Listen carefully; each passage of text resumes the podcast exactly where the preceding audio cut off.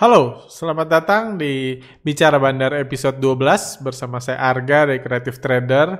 Seperti podcast-podcast minggu sebelumnya, minggu ini kita akan membahas mengenai apa yang terjadi di IHSG. Ada banyak hal menarik yang terjadi di IHSG yang menarik kita bahas, kita pelajari, dan uh, tentunya kita jadikan pembelajaran buat market minggu depan. Kita akan bahas IHSG, juga uh, saya akan membahas mengenai yang lagi viral. Kebetulan kami merilis video yang jadi viral tentang salah pencet uh, di PTBA. Nanti di akhir juga kita akan banyak membahas menjawab pertanyaan-pertanyaan yang masuk pada video sebelumnya yang kami kami post hari uh, Sabtu pagi kemarin seperti itu. Mohon maaf uh, bicara bandar minggu ini agak terlambat karena kebetulan uh, kami sedang mengadakan workshop uh, tiga hari terakhir ini, jadi saya cukup sibuk. Jadi baru minggu pagi ini saya buat uh, saya buat podcastnya dan uh, seperti biasa kalau ada pertanyaan bisa ditaruh di kolom tanya jawab nanti akan dibahas di uh, bicara bandar Q&A yang akan diposting hari Senin uh, uh, Senin uh, sore nanti seperti itu. Oke. Okay? Langsung aja kita bahas. Uh, untuk IHSG sendiri, seperti kita ketahui, uh, apa uh, IHSG minggu kemarin uh, sepanjang minggu ini jalannya biasa-biasa aja, cenderung membosankan. Nanti uh, uh, saya jelaskan ini. Cuman kalau kita ingat minggu sebelumnya, sebenarnya ada kekhawatiran yang cukup besar terhadap hal-hal yang terjadi di minggu sebelumnya, di mana hari Kamis uh, dua minggu yang lalu bursa Dow Jones dibanting dengan seenaknya banget gitu. Itu sebabnya podcast bicara bandar episode 11 kami beri judul uh, Dow Jones dibanting, asing jualan, Covid meningkat, akankah IHSG akan crash lagi? Minggu lalu banyak yang khawatir IHSG akan crash lagi, banyak yang khawatir pada akhirnya uh, ada akan uh, terjalin lagi hubungan antara apa yang terjadi di sektor real yang sedang krisis dan apa yang terjadi di bursa saham yang udah dua bulan lebih, udah hampir tiga bulan terakhir kami mengatakan sudah diputus oleh bandar hubungan antara sektor real dan bursa saham. Cuman banyak yang khawatir itu hanya pemutusan sementara. Nah, nanti bandar akan aktifkan lagi dan akan men, berimpact pada kondisi market itu itu sebabnya minggu lalu banyak kekhawatiran cuman dalam podcast minggu lalu kami mengatakan kami nggak ngelihat untungnya bagi bandar untuk menghubungkan lagi bursa saham, pergerakan harga saham dengan ilmu-ilmu ekonomi, teori-teori ekonomi yang kalau ekonomi runtuh bursa saham harus runtuh, kalau perusahaan bangkrut harga sahamnya harus harus jatuh. Menurut saya nggak ada hubung, nggak ada untungnya lagi dan itu yang kita lihat sepanjang minggu ini, di mana ya normal-normal aja. wave uh, wave 2 COVID-19 meningkat, secara ekonomi nggak ada nggak ada uh, nggak ada perubahan signifikan di mayoritas negara di dunia dan uh, jadi belum ada perubahan tapi marketnya kita lihat setelah dibanting seenaknya uh, di hari Kamis pelan-pelan market cenderung rebound dan minggu ini sebenarnya cenderung stagnan lah sempat naik tapi cenderung stagnan.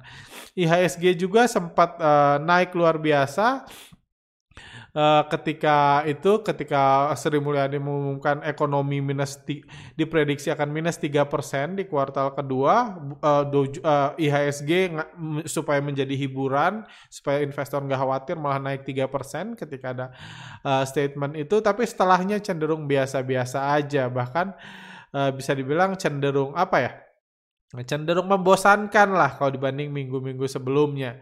Seperti itu. Jadi itu sesuatu yang terjadi. Bahkan kalau kita lihat sejak hari Selasa kalau nggak salah dinaikin Rabu Kamis Jumat itu cenderung yang dapat jatah manggung dan dapat jatah tampil di IHSG itu cenderung cuma bandar-bandar gorengan bandar-bandar gorengan yang dapat jatah ini sementara asing sendiri cenderung nggak jelas. Bahkan hari Jumat kemarin eh hari Kamis kalau nggak salah kami post di telegram kami kami bilang asingnya nggak jelas. IHSG ikut nggak jelas. Karena memang uh, sepanjang minggu kemarin itu nggak ada action yang signifikan dilakukan oleh investor asing. Dia jualan memang pelan-pelan tersebar di beberapa saham. Cuman nggak ada action signifikan harga blue chip nggak terlalu dibuat nari-nari dan nggak ada yang jatuh dalam nggak ada yang diguyur itu jadi otomatis sebagai apa ya sutradara atau orang yang mengatur pergerakan IHSG kalau investor asingnya nggak jelas ya IHSG ikut nggak jelas kayak gitu karena ya sama aja kayak film filmnya nggak jelas Kalau sutradaranya nggak jelas, filmnya nggak jelas. Jadi itu yang uh, terjadi itu jadi nasib IHSG. IHSG sendiri kalau kita lihat eh, pelan-pelan memang asing melakukan penjualan. Setelah melakukan akumulasi di sini kita lihat ketika mulai naik asing akumulasi dan sudah mulai berhasil jualan di harga atas. Kalau kita kita fokus di sini gitu kita lihat di asing sudah mulai berhasil jualan di harga atas. Dia beli di harga bawah di sini ini IHSG pelan-pelan naik di harga atas dia jualan seperti itu. Jadi asing sendiri cukup berhasil, cuman apa ya show-nya kurang menarik minggu minggu ini. Jadi naik turunnya IHSG itu kurang kurang memicu adrenalin seperti minggu-minggu sebelumnya. Dan dan karena memang apa ya ada penurunan volatilitas, penurunan action asing, kami cukup penasaran apa yang kami lakukan. Kami cek uh, transaksi minggu ini sebenarnya seperti apa, seperti itu dan dan yang cukup uh, memprihatinkan, minggu ini transaksi di IHSG itu turun sampai hampir 30 persen, 29,1 persen dibanding minggu sebelumnya. Ini yang uh, berulang kali kami bahas bahwa sebenarnya PSBB, ekonomi yang runtuh, toko toko-toko yang tutup dan lain-lain itu memberikan keuntungan besar bagi bursa saham, di mana para para pengusaha, orang yang punya uang, orang yang punya pekerjaan, semuanya terpaksa diam di rumah dan ngapain yang dia lakukan? Trading saham. Uh, uh, pertama kita lihat gejalanya di Indonesia karena uh, kami di Indonesia, kita di Indonesia, jadi kita lihat gejala pertumbuhan jumlah nasabah yang luar biasa di masa uh, di masa PSBB dan lockdown gitu. Terus kita dengar di India ada, di China ada. Minggu kemarin kita lihat laporan-laporan di Amerika juga menunjukkan yang sama di mana PSBB dan uh, lockdown, economic lockdown itu membuat banyak banget dana segar masuk dan itu sangat menguntungkan bagi bandar di mana ada banyak penonton yang masuk sehingga mereka bisa mengendalikan IHSG dengan lebih menarik seperti itu dan itu dibahas sebelumnya di mana kami menjelaskan bahwa uh, aliran dana masuk ke bursa saham uh, di video jebakan IHSG, aliran dana masuk di bursa saham itu adalah kunci kenaikan suatu saham. Tanpa aliran dana masuk, saham nggak bisa naik. Dan karena banyaknya aliran dana masuk, meskipun ekonomi runtuh, IHSG masih bisa menguat dan bukan hanya IHSG ternyata itu terjadi di seluruh dunia. Dan karena PSBB dibuka gitu karena memang harus dibuka untuk menyelamatkan ekonomi karena bagaimanapun ekonomi masyarakat orang makan enggak itu lebih penting dari bursa saham. Cuma karena PSBB terpaksa dibuka terlepas dari masalah COVID-19 yang masih terus berlangsung dan masih terus bertumbuh dari hari ke hari itu justru memberikan impact negatif buat bursa saham Impact negatifnya apa? Pertama langsung transaksi turun drastis. Karena kita tahu sepanjang minggu ini full itu udah udah hari kerja bagi mayoritas uh, mayoritas orang uh, mayoritas orang di kota-kota besar di Indonesia kayak gitu sudah hari kerja jadi nggak bisa stay at home work uh, work from home itu mulai diakhiri, udah hampir semua diakhiri dan itu memberikan impact negatif. Jadi IHSG-nya nggak jelas, asing pun uh, kayaknya naik turunin juga ngelihat ini kayaknya mulai sepi nih kondisi market kayak gitu. Jadi ini dan transaksinya pun terbukti menurun. Jadi sangat menarik kita lihat apa yang akan dilakukan uh, para big player di IHSG menghadapi pelambatan aliran dana segar yang masuk, penurunan jumlah transaksi ke depan. Karena itu adalah apa ya? Itulah makanan mereka saat ini, itulah yang sudah mereka usahakan eh, selama ini di ASG. Hal menarik lainnya, uh, jadi uh, kita menarik lihat so far sih menurut saya masih nggak akan jelas dulu untuk sementara kita lihat dan uh, wave kedua pun tampaknya semakin semakin mengkhawatirkan kalau kita lihat jumlah penyebaran COVID-19 di dunia hariannya pun meningkat semakin lama semakin tajam. Jadi ada kemungkinan second lockdown. Cuman kita nggak usah berspekulasi dulu ke situ. Indonesia so far masih baik-baik aja.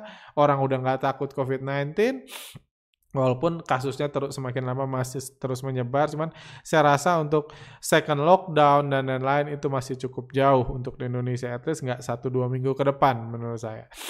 Seperti itu, jadi tren penurunan transaksi di bursa pun mungkin masih akan berlangsung cukup, masih akan berlangsung ke depannya dan menarik kita lihat. Kita lihat para bandar uh, di seluruh dunia sudah berhasil merubah bursa saham jadi kasino, jadi tempat mencari rejeki selama masa ekonomi lockdown. Sekarang ketika dibuka, menarik apa strategi mereka?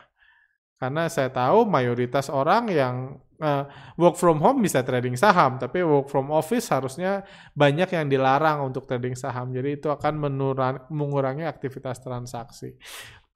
Hal menarik lainnya juga ada ini, ada ya berita menyedihkan, berita duka dari Amerika Serikat, di mana ada seorang trader uh, masih umur 20 tahun yang juga baru trading karena masa lockdown, itu bunuh diri karena melihat saldonya negatif sampai 730 ribu dolar gitu.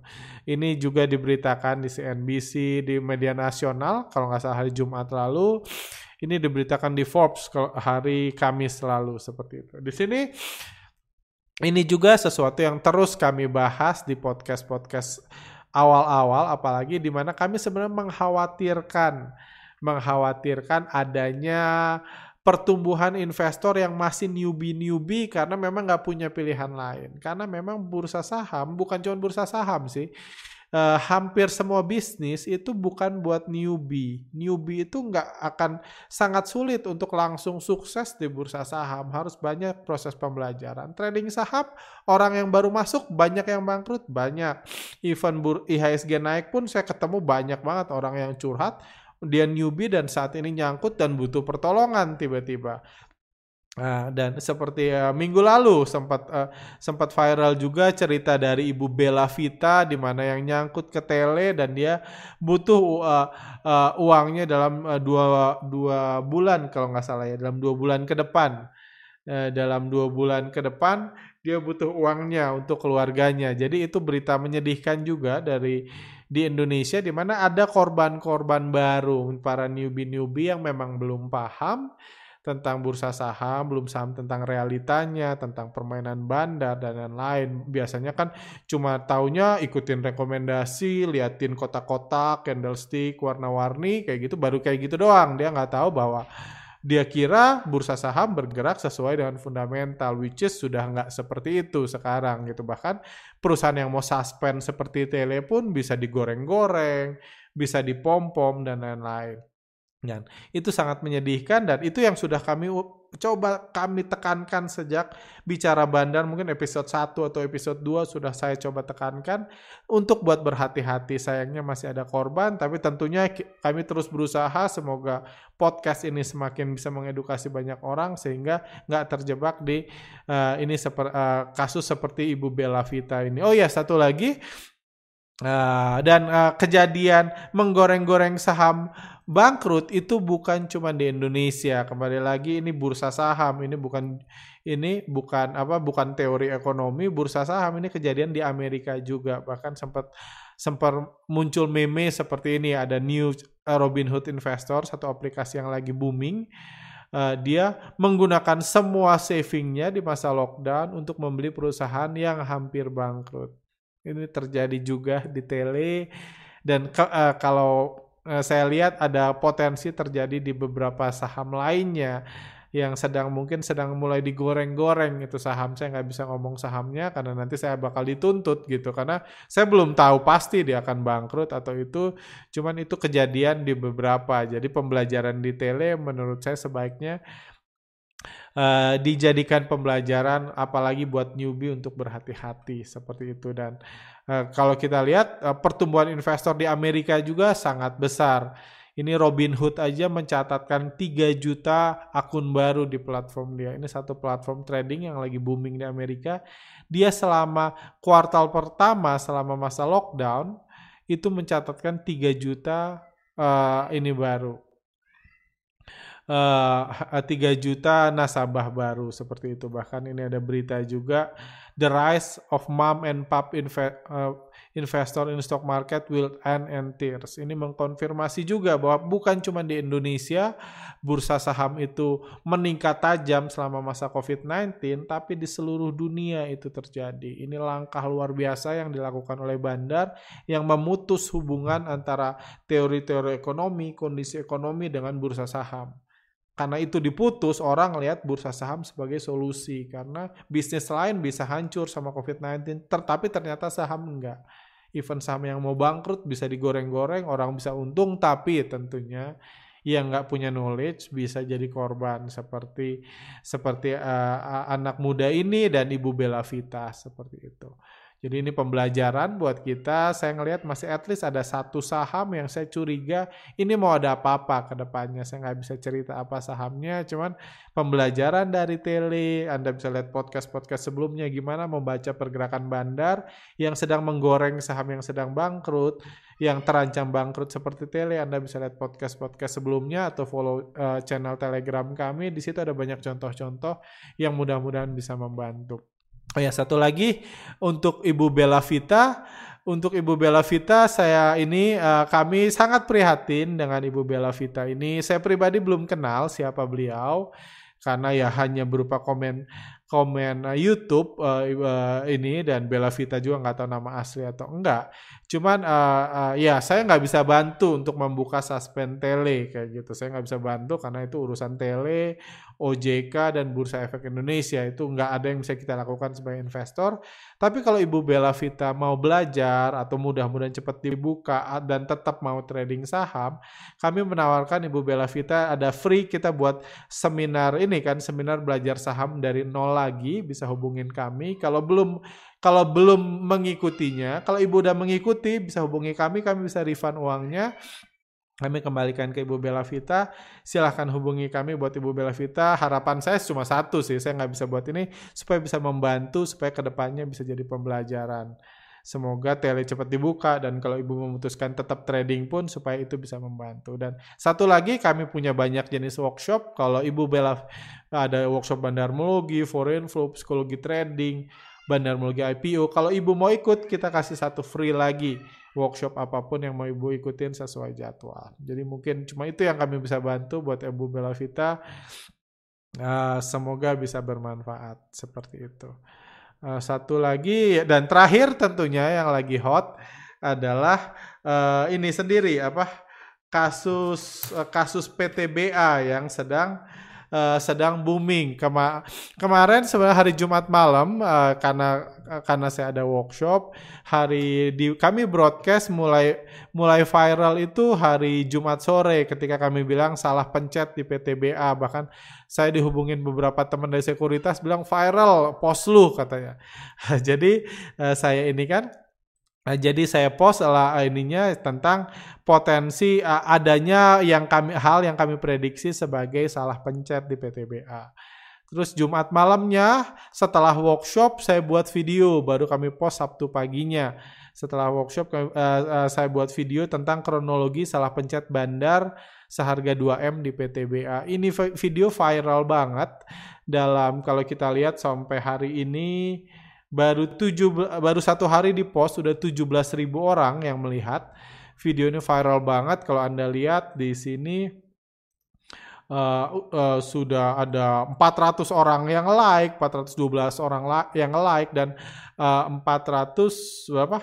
4, 42 orang uh, unlike. Kalau anda lihat baca komentarnya juga heboh banget. Saya sempat baca-baca heboh banget komentarnya. Dan banyak banget yang nggak suka. Saya sendiri nggak ngerti kenapa bisa nggak suka dengan video. Ya kalau anda nggak suka dengan analisanya cuman kayaknya banyak kebencian banget. Saya jadi jadi serba salah banget saya ngerasa. Selama ini saya bilang asing mah bebas. Mau naikin kapan nurunin kapan nggak suka. Saya bilang asing cuan, ikutin asing. Nggak suka juga, dibilang nasionalis. Sekarang saya bilang asing salah pencet, nguntungin lokal, tetap nggak suka juga. Jadi memang mungkin, memang nggak sukanya ke sayanya aja gitu. Jadi apa pun yang saya bilang tetap salah dan saya bilang ini asumsi. Dalam video ini berkali-kali saya bilang ini asumsi. Karena memang pada akhirnya nggak mungkin ada konfirmasi. Nggak mungkin ada konfirmasi dari KZ. KZ bilang bahwa saya membuat konferensi pers in, karena oh, tidak sedang sudah dilakukan kesalahan pencet yang dilakukan salah satu broker kami nggak mungkin. Atau nggak ada juga kebutuhan untuk bilang ini bukan salah pencet ini beneran beli. Itu juga nggak ada kebutuhan buat itu. Karena kasus salah pencet itu cuma melibatkan dua orang.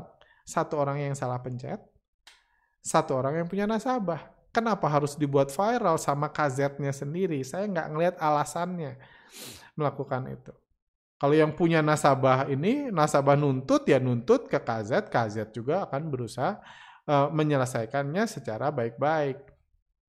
Kayak gitu. Secara baik-baik dan salah pencet itu cuma diketahui sama yang punya akun kan. Jadi menurut saya nggak mungkin ada konfirmasi, jadi ada yang komen juga, mana statement dari KZ? yang nggak akan ada statement dari KZ. Bahkan di broadcast pertama pun saya sudah bilang seperti itu. Itu pertama. Uh, kedua adalah Uh, dan tentu uh, saya bahas video ini memang sengaja. Saya mengaja membahas video ini, memposting video ini untuk men-trigger. Ya, komentar ini terlepas ada yang suka, ada yang nggak suka. Memang saya sengaja ini untuk men-trigger orang buat berpikir, untuk belajar menganalisa bandarmologi, ngelihat siapa yang beli, ngelihat siapa jual, mikir kenapa orang beli, kenapa orang jual, seperti itu supaya uh, supaya ya ini eh, kan tujuan saya mengedukasi supaya ada pemikiran ada pemikiran yang bisa ditangkap rekan-rekan. Jangan cuma ngelihat candlesticknya aja. Ini juga menarik karena secara candlestick nggak ada apa-apa. Selama ini kan orang nganggap menganalisa saham itu ngeliatin kotak-kotak ini kan dan ini kotaknya pun nggak ada ini cuma garis aja gitu. Tak walaupun ada bisa banyak cerita di sini, ya grafiknya cuma garis aja. Jadi nggak nggak perlu ada perdebatan. Ini garis namanya apa gitu kan candlestick biasa dinamain kan. Nggak ada. Jadi ya simply garis aja auto reject bawah. Tapi tentunya karena tujuan saya mau mengedukasi, saya akan coba bahas pertanyaan-pertanyaan, masukan-masukan yang ada di kolom komentar di bawah. Seperti itu untuk kita sama-sama melihat lah Kembali lagi ini asumsi against asumsi. Silahkan rekan-rekan yang mau menilai, yang nonton, yang mau belajar, silahkan lihat masing-masing asumsi mana yang Anda percaya. Seperti itu. Ada beberapa asumsi sebelumnya, misalnya, nah saya coba lihat apa aja yang masuk. Pertama, ada orang bilang nggak mungkin, nggak mungkin uh, uh, broker setelah sekelas KZ melakukan kesalahan, salah pencet pasti KZ kalau beli dan jual pasti ada SOP-nya, pasti strateginya dipikirkan matang-matang. Yes, saya setuju. KZ pasti dipikirkan matang-matang, pasti ada SOP-nya, pasti ada pertimbangannya. Yes, kalau pertimbangannya keputusan membeli dan keputusan menjual. Jadi seluruh SOP itu menandakan kalau nggak mungkin ada impulsif buying. Baru lewat-lewat langsung hajar kanan, menurut saya nggak mungkin itu terjadi di investment banking atau broker sekelas KZ. Pasti ada SOP-nya. Tapi SOP-nya itu apa? Adalah melakukan analisa, membuat strategi, bagusnya gimana, dan lain-lain. Baru terakhir dieksekusi. Jadi input uh, order itu cuma satu bagian bagian terakhir dari SOP. Bagian terakhir memang ada pertimbangan, tapi itu sebelum diinput kan semua. Sebelum diinput dan lain-lain, akhirnya inputnya oke okay, kita jual PTBA. Oke, okay, kita beli PTBA. Pas input itu ada orang yang in charge. Ada orang yang in charge dan menurut saya orang yang in charge itu mungkin aja buat kesalahan ada yang bilang harus pasti ada yang mengkonfirmasi ya bisa aja. Bisa aja ada yang mengkonfirmasi, cuma nggak harus ada yang mengkonfirmasi. Nah, seperti itu. Nggak harus ada yang mengkonfirmasi uh, dalam kondisi kayak gitu, nggak harus ada yang mengkonfirmasi. Uh, bisa aja, uh, bisa aja ada uh, ini. Uh, uh, kalau ada yang mengkonfirmasi pun uh, satu hal juga yang bisa saya tunjukkan adalah transaksi 200 miliar memang gede banget dan bisa orang buat di PHK. Uh, eh, kalau salah harusnya jual jadi beli. Tapi bagi KZ, bulan Juni aja transaksi KZ itu tiga, hampir 3,7 triliun. Uh, sebentar saya tunjukkan. Bagi KZ di sini Anda lihat di sini, bagi KZ ini transaksi dari 1 Juni sampai 21 Juni 2020 itu 3, hampir 3,7 triliun. Jadi 200 M yang dibelikan ke PTBA itu nggak sebesar itu anyway. Itu daily trade bagi mereka. Daily order dan kalau terlepas dari SOP, kalau dilakukan berulang-ulang, itu mungkin aja ada salah entry. Itu bukan pertama kali kok. Bahkan di Amerika ada istilahnya disebutnya fat finger error. di mana mungkin mau enter uh, buy karena jarinya gemuk-gemuk pencetnya sell atau sebaliknya. Bahkan di Indonesia sendiri pernah terjadi tuh. Gudang garam pernah salah input. Ini berita BEI sebut lonjakan saham gudang garam karena salah input data tanggal 13 September 2019. Pernah juga kok kejadian. Ini salah inputnya bukan buy jadi sell tapi belinya kelebihan satu ke, ke kelebihan 01 itu ngeri juga kan. Yang salah siapa? Ya strateginya bisa matang tapi yang nge-input salah dan karena apalagi inputnya jadi input buy otomatis langsung kebeli semua sekali enter ya nggak ada lagi gunanya tuh SOP karena langsung kebeli semua. Itu yang terjadi di gudang garam dan yang saya spekulasikan terjadi di ITMG eh di PTBA. Seperti itu. Jadi uh, itu pertama, jadi itu sesuatu yang cukup wajar menurut saya kalau salah input sama aja kayak bilang perusahaan kalau bonafit nggak mungkin salah ngasih ini apa purchase order ya mungkin aja karena itu tindakan yang dilakukan sehari-hari bahkan buat KZ sendiri itu sampai ah, bulan ini aja transaksi mereka udah 3,7 triliun. Jadi masih wajar-wajar aja itu terjadi, masih mungkin. Tentu eh, coba dihindari, tapi kalau orang melakukannya tiap saat bisa aja terjadi. Itu satu, itu asumsi saya yang mengatakan, itu jawaban saya yang mengatakan kalau mungkin aja KZ, KZ salah itu terlepas dari saya tahu KZ orang hebat, aksi mereka bisa ngacak-ngacak IHSG at any itu bisa aja memang selama ini kita lihat, tapi salah input itu hal manusiawi yang mungkin aja terjadi. Kalau menurut saya, kalau menurut Anda nggak mungkin ya silahkan, saya hormati penilaian Anda, kayak gitu. Eh, dan eh, terus kedua ada yang bilang, kan saya tunjukkan tuh, si, si PTBA di ordernya 19 kali. Di ordernya ada 19 order, totalnya 900 ribu, 400, 900 ribu uh, 914.230 lot. Ada yang bilang nggak salah pencet ya sekali, nggak mungkin 19 kali. Jadi ini itu uh, saya waktu itu lagi ngantuk sepertinya, jadi saya lupa ada peraturan maksimum itu 50.000 lot. Jadi kenapa 19 kali? Ini karena kalaupun orang masang antri antri jual atau antri beli 914.000 lot, itu akan otomatis kepecah seperti ini. 50, 50, 50. Itu sebabnya semuanya dipasang dalam satu detik. 50 ribu, 50 ribu, terakhirnya 14.230 lot. Seperti itu. Jadi ini bukan salah input satu, uh, eh, 19 kali, salah inputnya satu kali. Dan inputnya angkanya benar. Yang saya prediksi salah, buy dan sell-nya yang salah. Kalau di antri sell, cuman antrian PTBA tambah 914 ribu lot. Cuma karena antri by detik itu juga dan karena yang yang antri juara ada dua setengah juta lot yang saya bahas dalam video sebelumnya. Jadi detik itu juga dan nggak ada ke belakang lagi kayak gitu dan tentunya eh, yang banyak juga dibahas di video terlepas dari ini salah atau enggak yang pasti itu menguntungkan investor retail yang tadinya nggak bisa jualan PTBA karena bukan golongan ningrat yang boleh ngantri di awal tapi sekarang bisa jualan karena pembelian purely karena pembelian KZ ini. Terlepas dia salah input atau enggak. Kayak gitu dan dan yang sebelumnya juga saya jelaskan kenapa order biasa dipecah-pecah biasanya untuk supaya uh, bandarnya bisa mengcancel di tengah-tengah. Cuma saya lu eh, ini contohnya saya berikan contohnya di BBRI kemarin juga ordernya ada 1500, 1500, 1500, 1500, semuanya 1500, semuanya dipasang di detik yang sama di harga 3150. Ini kalau di workshop bandarmologi saya jelaskan bahwa ini hampir pasti ini broker yang sama. Saya kasih contohnya, cuma ini saya nggak tahu ini broker yang sama atau nggak karena belum dan. Cuma di workshop bandarmologi kami menunjukkan hal kayak gini ini sering terjadi. Jadi order dipecah itu sering, makanya saya asumsikan order dipecah itu tanda kalau mereka either mau ngantri beli atau ngantri jual, bukan mau hajar kanan. Cuma karena saya buat workshopnya setelah eh buat uh, videonya setelah uh, setelah uh, jam 10 malam mungkin agak ngantuk, saya lupa 50 ribu lot ini batas maksimal. Jadi sebenarnya ini nggak dipecah. Sebenarnya ini nggak dipecah, ini satu order yang dipecah otomatis oleh sistem.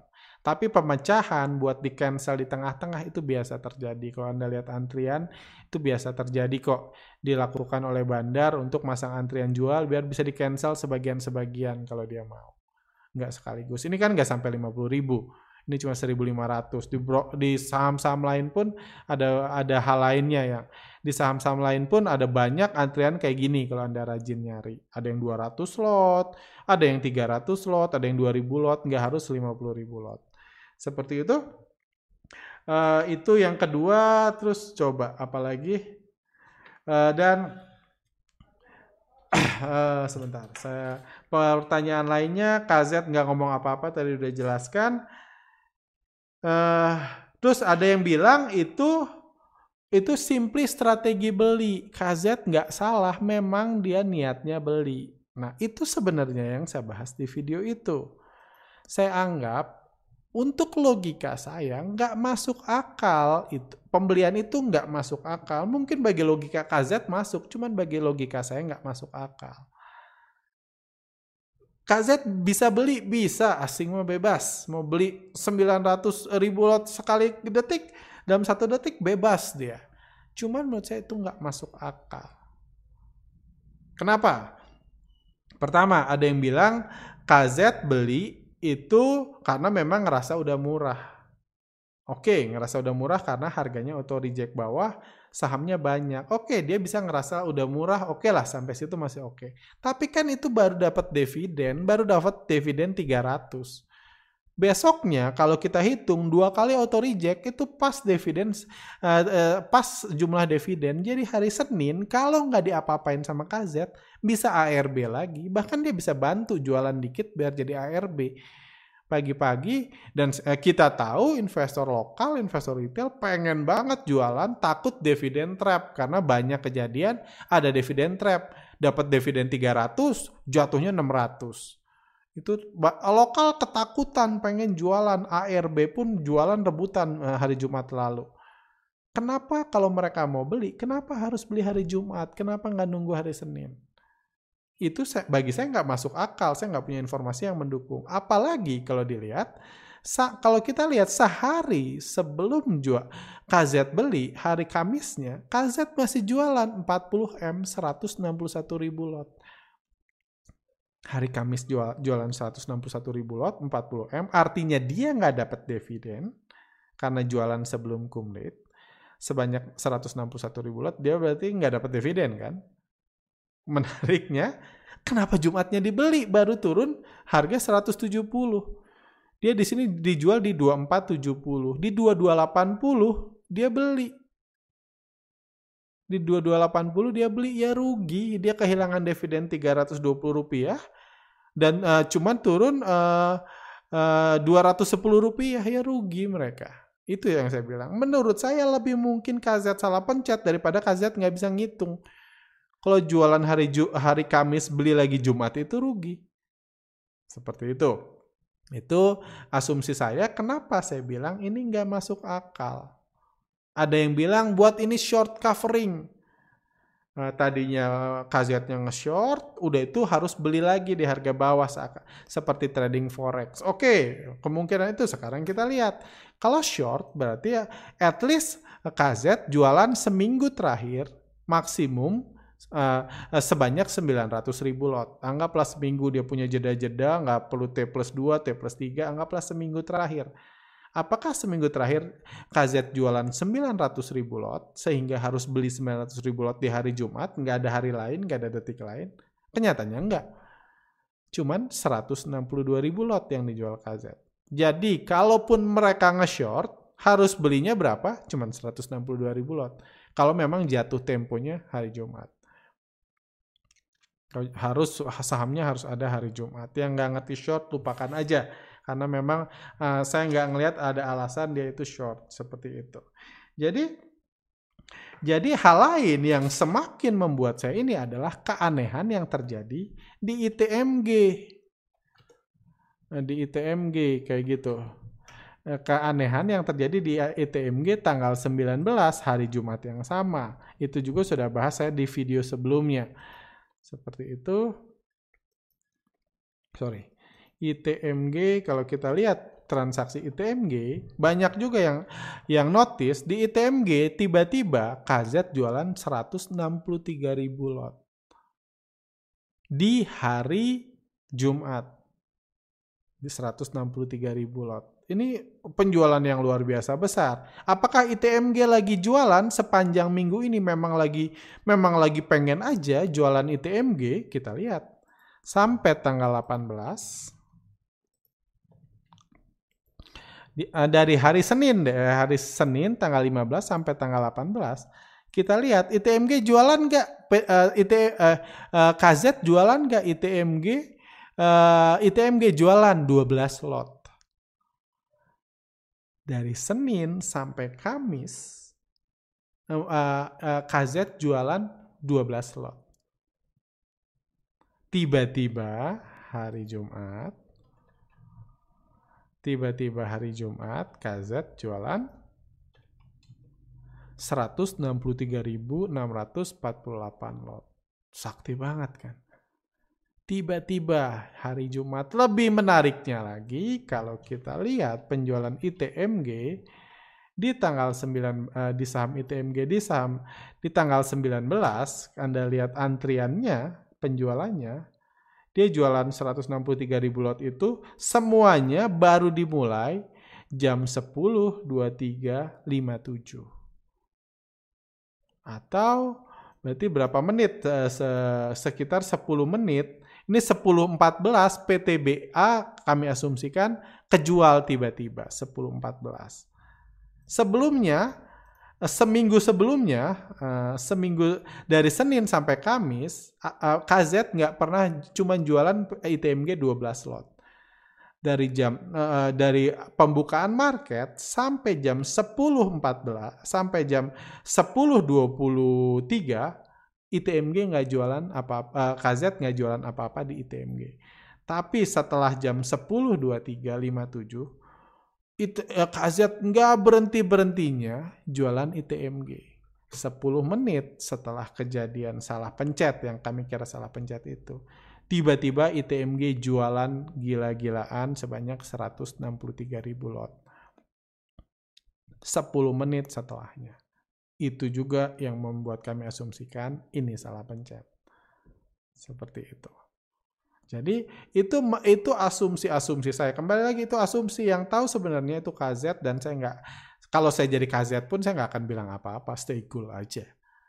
Kalau ada nasabah lain nanya itu benar nggak salah pencet? Nggak kok, nggak apa-apa. Kayak gitu. Karena ini baru bisa, ini adalah uh, hal ini baru bisa jadi jadi informasi publik kalau uh, nasabah yang salah pencet itu nuntut hukum akhirnya ada ini gugatan uh, nasabah A terhadap KZ karena peristiwa salah pencet baru itu baru ini jadi informasi publik ini pun terjadi di luar negeri jadi belum tentu kita tahu kasus itu seperti itu jadi itulah asumsi-asumsi yang saya pakai kenapa saya prediksi KZ salah pencet. Bisa benar, bisa enggak. Bisa misalnya uh, Senin depan, hari Senin tiba-tiba KZ hajar kanan sampai auto reject atas. Kayak gitu bisa, cuma kita lihat aja. Adakah aksi pembelian gila-gilaan yang saya tahu sih kalaupun uh, Senin uh, Senin depan turun 100 150 rupiah atau 160 rupiah sampai auto reject bawah, saya yakin masih banyak investor lokal yang pengen jualan karena dia takut kejebak dividen, dia udah dapat dividen, kalau dijual di situ pun mereka masih untung. Itu prediksi saya. Jadi kalau KZ tiba-tiba borong, asing tiba-tiba borong, berarti kita tahu ini nggak sengaja. Ini sengaja cuman aneh aja cara belinya aneh aja jadi ada something yang buat dia hari Kamis masih jualan PTBA gitu hari Jumat ngerasa harus beli di detik itu. Nah, hari Jumat ngerasa harus beli KZ-nya di detik uh, 10.14 itu, kayak gitu. Padahal hari Kamisnya uh, KZ masih jualan PTBA. Ini, oh sorry, tanggal 18, kayak gitu.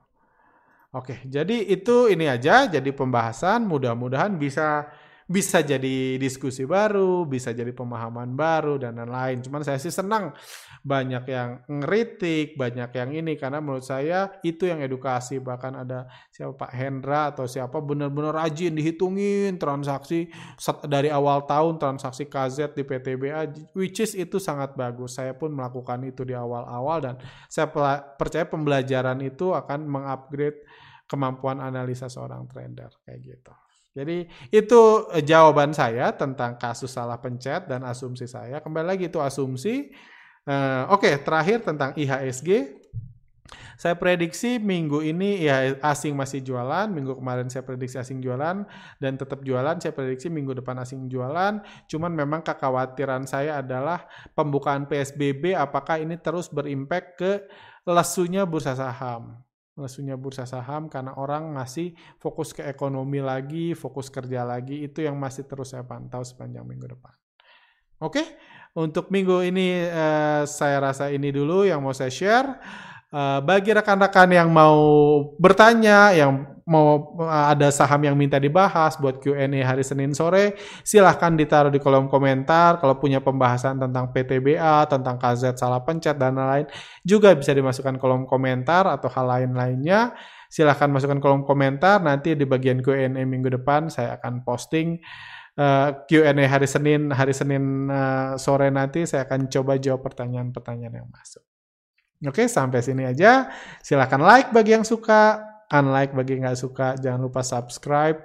Uh, kalau Anda suka, pengen dapat konten-konten selanjutnya dari kami. Thank you. Uh, semoga apa yang saya share ini bisa berguna bagi Anda. Sampai jumpa minggu depan. Eh, sampai jumpa hari Senin.